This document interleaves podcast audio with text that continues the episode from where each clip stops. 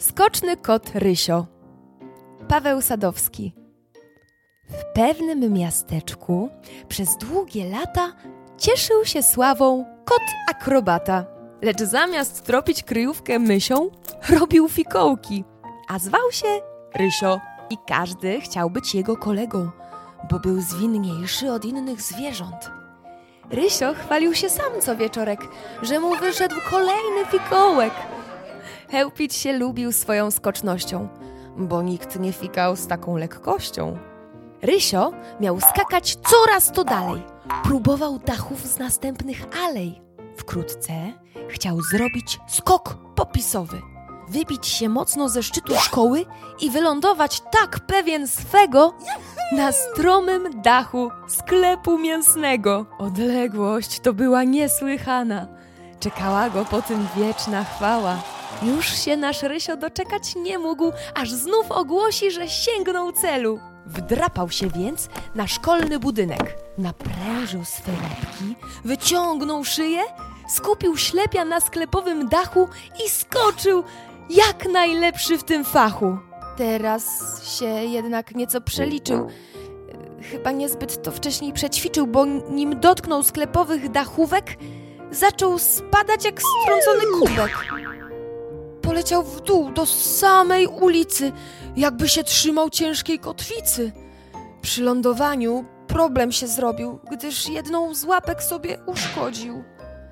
Rysio nie mógł w to wszystko uwierzyć. Wcześniej nie było tu takich przeżyć, że wszystkim znany kot akrobata doskoczyć nie mógł jak jakaś ciapa. Łapka bolała go coraz mocniej, a wkrótce będzie jeszcze okropniej.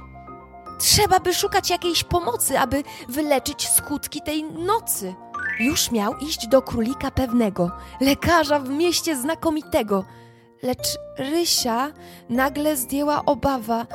Co jeśli wyda się cała sprawa? Sądził, że kiedy wszyscy usłyszą, że nie dał rady słynny ten Rysio, to już nie będzie tak podziwiany, a nawet stanie się wyśmiewany.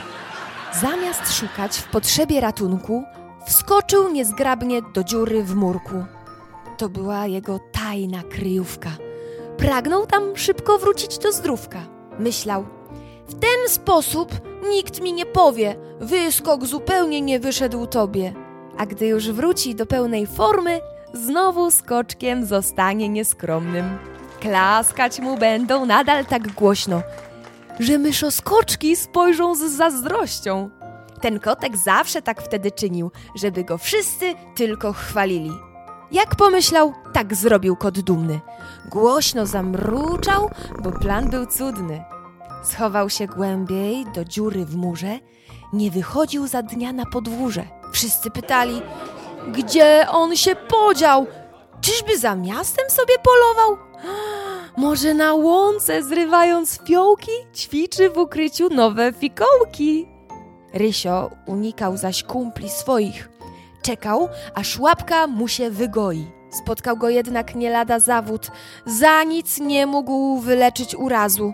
Dni mijały, a ból wciąż narastał.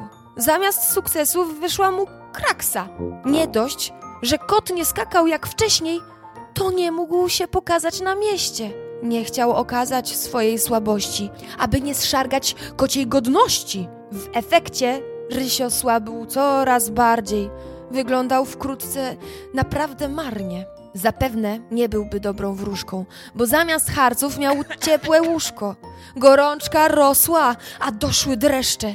Nie dałby rady znieść tego jeszcze.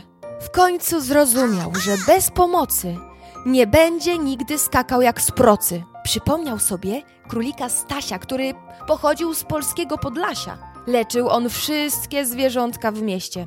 W zamian zaś lubił dostawać czereśnie. Rysio wykręcił więc drącą łapką numer Stasia, by kicał tu wartko. Tak jak wicher mgnie między drzewami, po kilku chwilach był już pod drzwiami. Królik się zdumiał na widok Rysia. Pojął, czemu tak ciężko oddychał. Czemu, Rysiu, nie dzwoniłeś wcześniej? Wstawać z łóżeczka teraz już nie śmiej! Stwierdził królik i zdjęła go trwoga. Dodał on zatem jeszcze te słowa. Gdybyś tak dalej z leczeniem zwlekał, to sprawności już byś nie doczekał. Bałem się przyznać do mej porażki. Odparł Rysio i łzy kotka naszły. Stasio zabrał się wnet do leczenia. Przyniósł swą maść i łapkę nacierał. Kot po tygodniu chorować przestał. Mógł więc ponownie skakać jak pełka. Szczęścia aż nie mógł w sobie pomieścić. Dał królikowi koszyk czereśni, a gdy ogłosił, co mu się stało, zdziwili go reakcją niemało. Nikt bowiem nie wziął go za łamagę. Jednego śmiechu nie słyszał nawet. Zwierzęta bardzo się ucieszyły, że szybko kotu wróciły siły. Tak akrobata przeszedł przemianę. Schował swą dumę w kieszeń na stałe. Pojął, że całkiem smaczny to owoc prosić przyjaciół czasem o pomoc.